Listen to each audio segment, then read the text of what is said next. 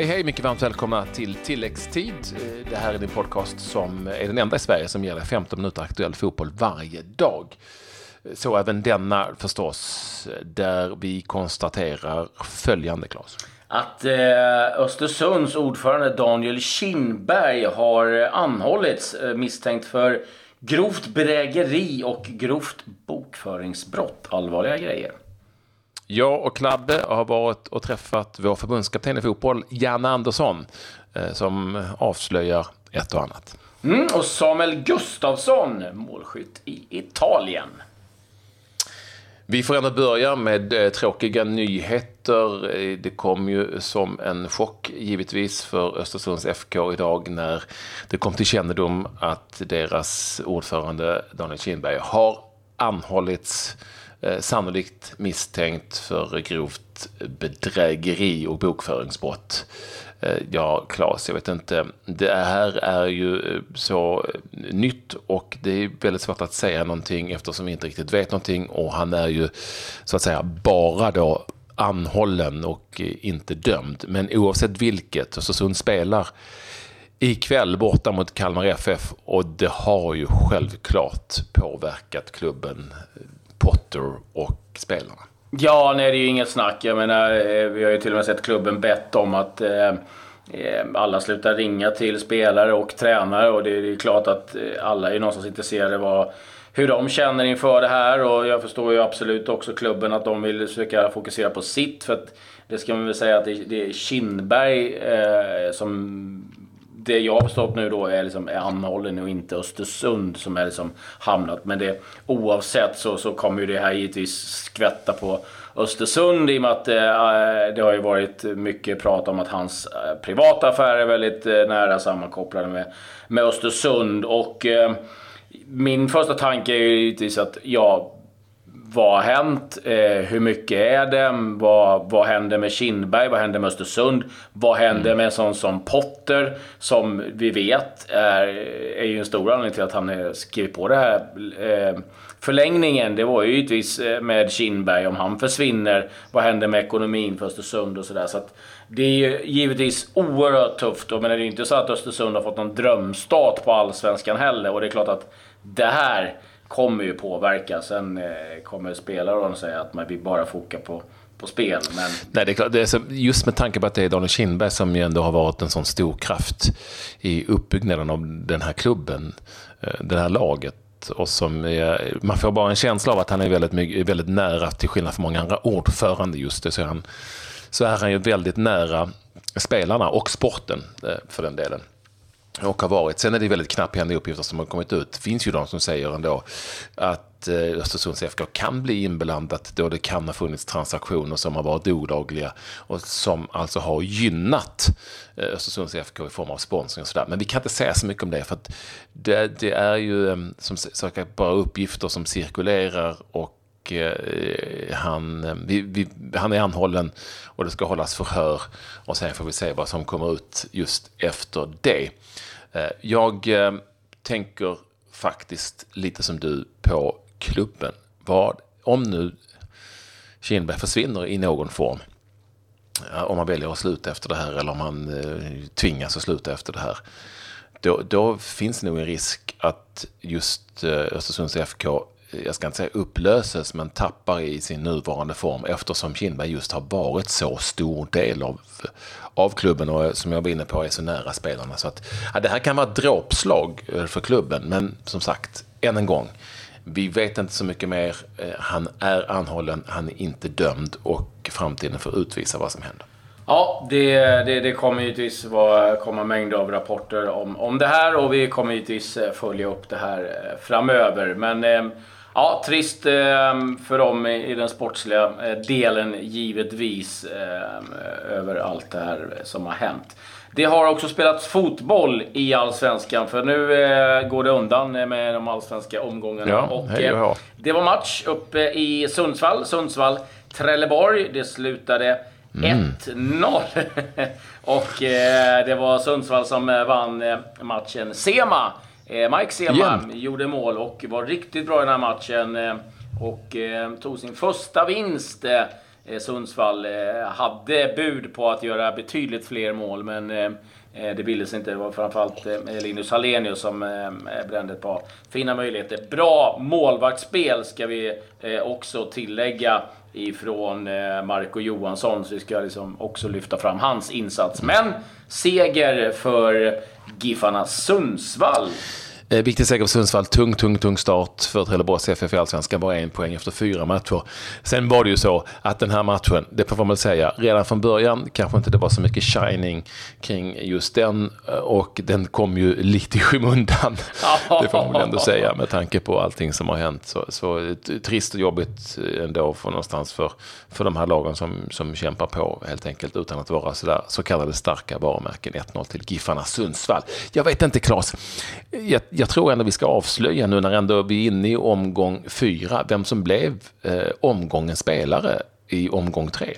Ja, det är klart vi ska göra. Och eh, jag tycker att du får äran den här gången eh, att presentera mm, vinnaren. Ja, eh, ja, det valet följer då såklart på eh, en spelare som har gjort Eh, eller gjorde betydande insatser för sitt lag under den tredje omgången som var fullständigt överlägsen trots att han var dubbelmarkerad under stora delar av matchen, framförallt i den första halvleken.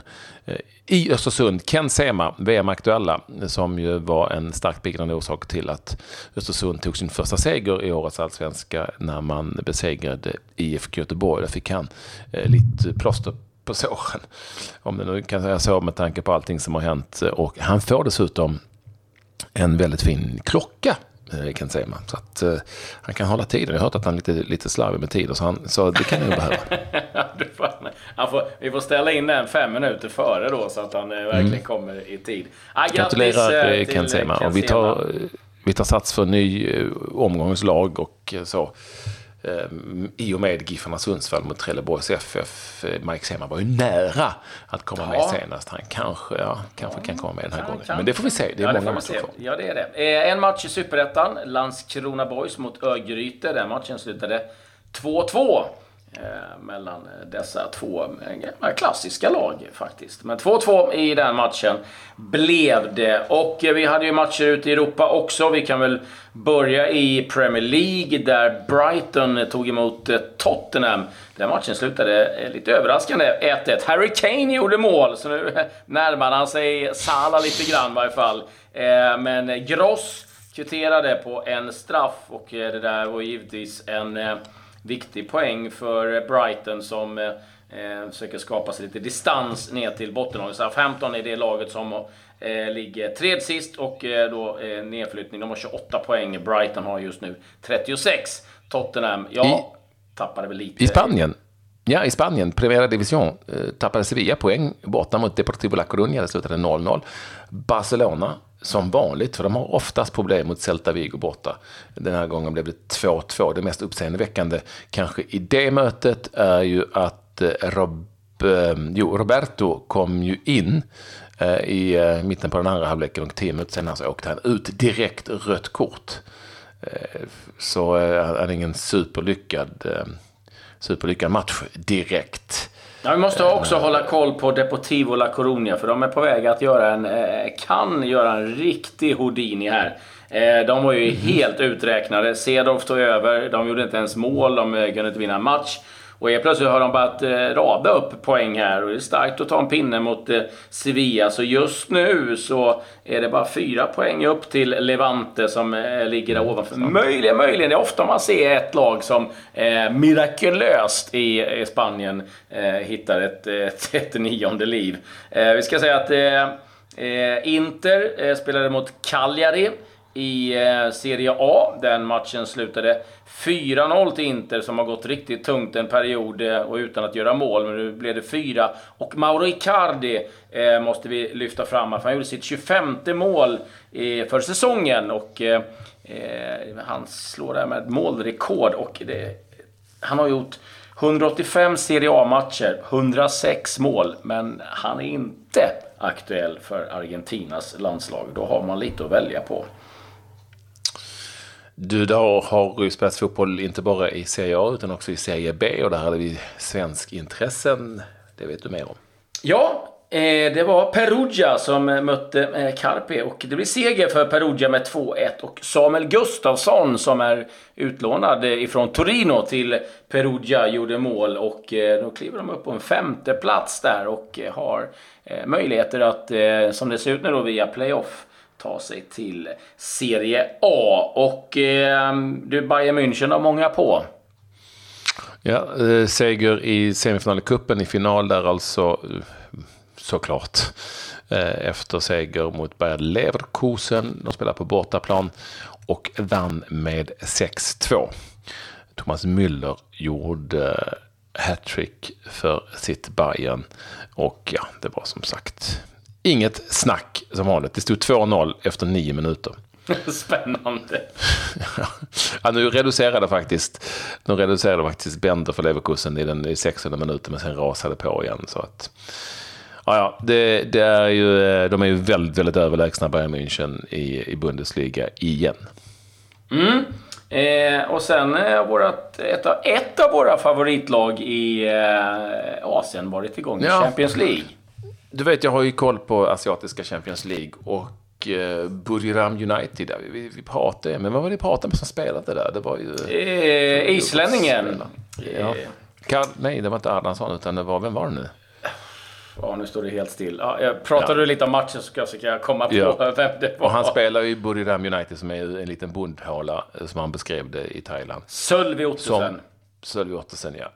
Uh, han är inte kvar där längre. Men nu har de ju då gått till vidare uh, i, till eh, 16 bästa i asiatiska Champions League efter att ha kommit tvåa i sin grupp där överlägsna kinesiska Guangzhou Evergrande fanns i. Men är rätt bra ändå, slog ut Osaka, japanska Osaka och även sydkoreanska Jeju United som ändå är helt okej. Okay. Lilla Buriram United, vi får följa dem här i slutskedet av av asiatiska Champions League, där vi också har, ska vi säga, som vi sa igår, Marcus Berg och alla in vidare. Mm. Eh, lite snabba nyheter runt om. Det är nu klart att eh, vi kommer få se två matcher i Champions Cup i Sverige. Arsenal mot Chelsea på Friends Arena 4 augusti och Chelsea-Inter i eh, Göteborg på Ullevi den 1 augusti.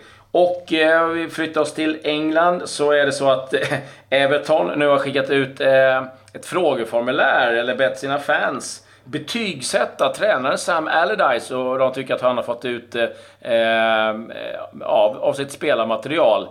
Vi kan väl säga så här, om, om du behöver be fansen och fråga vad de tycker, då har du inte kanske jättestort förtroende för din tränare. Så att, eh, var inte överraskad om Big Sam inte tränar Everton nästa säsong. Och så kommer det ganska mycket rapporter eh, faktiskt, Patrik, om att Paul Pogba kan vara på väg att lämna Manchester United. Att man ifrån United mm, har tröttnat en del eh, på att eh, det inte händer särskilt mycket på, på fotbollsplan utan det, det är mer andra aktiviteter. Så att, eh, det blir nog inte lätt att kränga iväg honom eh, för eh, jag tror Dela att det, Dela Costa och jag tror att en hel del klubbar har, eh, har dragit öronen åt sig. Så att, eh, Mino Raiola har lite att eh, göra.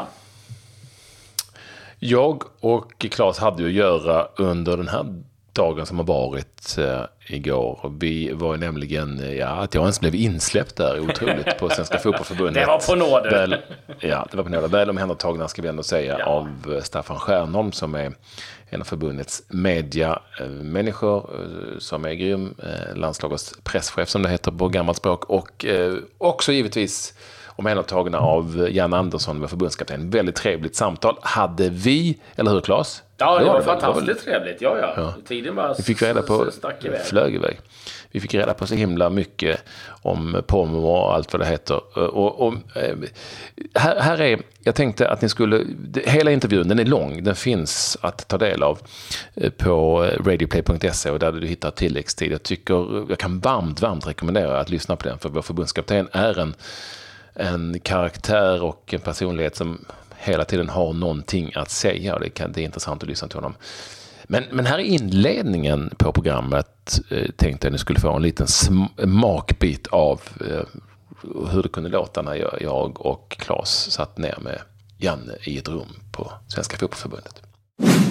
Ja, men vi tänkte lite så här Janne att det finns ju mycket frågor kring eh, inför VM och så här. Men vi tänkte att eh, om, om du ser oss som två debutanter i, i ditt landslag. Vi sitter just nu i rummet här, eh, där vi är uppe på, på hotellet där ni brukar bo. Eh, Och vi du har precis tagit ut oss till, vi ska möta Irland hemma på Friends i en träningslandskamp. Och du har plockat ut oss två. En av oss är en slitstark mittfältare och en annan är li, alltså lite Håkan Mild sådär. Och en annan eh, så har du fastnat för i Allsvenskan. Han är en mer Anders Limpar-typ. Du får själv gissa vem som är vem. Eh, Och, och, eh, En grovjobbare och en diva. Det är ungefär. och- och nu sitter vi här. Det är ditt första möte med oss. Vi är debutanter. Vad säger du till oss? Och nu talar vi rent generellt. Vi vill gärna veta hur går det till här nu när vi kommer in? Alltså det, det går till egentligen om man kommer som helt ny så skulle vi nog satt oss och så hade jag nog dragit de ledstjärnorna vi har att jobba med i landslaget. Som jag inleder varje samling med för alla och pratat kring. Därför att för mig handlar det om att berätta hur vi vill ha det tillsammans. Alltså hur, hur ska vi ha det tillsammans? Hur ska vi bete oss mot varandra och vilken kultur ska vi liksom skapa ihop för att sen kunna prestera bra fotboll? Ja, vi får, får se eh, hur, det går eh, för oss där. Men eh, jag tycker också det är väldigt intressant att höra lite hans egna spelarkarriär eh, som eh, bjöd på, på både det ena och det andra eh, uppenbarligen. Nej, Ja, ver, ver, mest det andra, egentligen. Mest det andra, ja precis. Nej, eh, kanske inte eh, det gamla vanliga om, som man är van att prata om kanske med Janne, utan ganska öppet om Eh, om väldigt många olika ämnen. Så att, eh, eh, jag tycker att eh, det är värt att lyssna på. Så jag hoppas att ni, ni gör det. Och så hoppas jag att ni lyssnar på tilläggstid eh, även eh, imorgon, eh, som brukligt är. Nu är det full fart i Allsvenskan igen och ikväll händer det saker. Så häng med oss, precis som alltid. Inte minst handlar det om att hitta omgångens lag och omgångens spelare. Vi gratulerar återigen Ken Sema och vi, vi rekommenderar att lyssna på intervjun med Jan Andersson. Tar 45 minuter under en promenad eller vad som helst så får ni ta del av väldigt kloka synpunkter. Eller hur Claes? Ja, verkligen. Och eh, som du sa, eh, grattis till Ken Sema. Adjö. Mm, hej.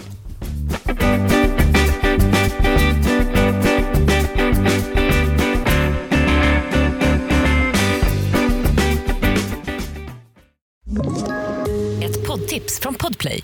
I podden Något Kaiko garanterar östgötarna Brutti och jag, Davva, dig en stor dos skratt. Där följer jag pladask för köttätandet igen. Man är lite som en jävla vampyr. Man har fått lite blodsmak och då måste man ha mer. Udda spaningar, fängslande anekdoter och en och annan arg rant. Jag måste ha mitt kaffe på morgonen för annars är jag ingen trevlig människa. Då är du ingen trevlig människa, punkt. Något Kaiko, hör du på Podplay. Därför är gardinerna.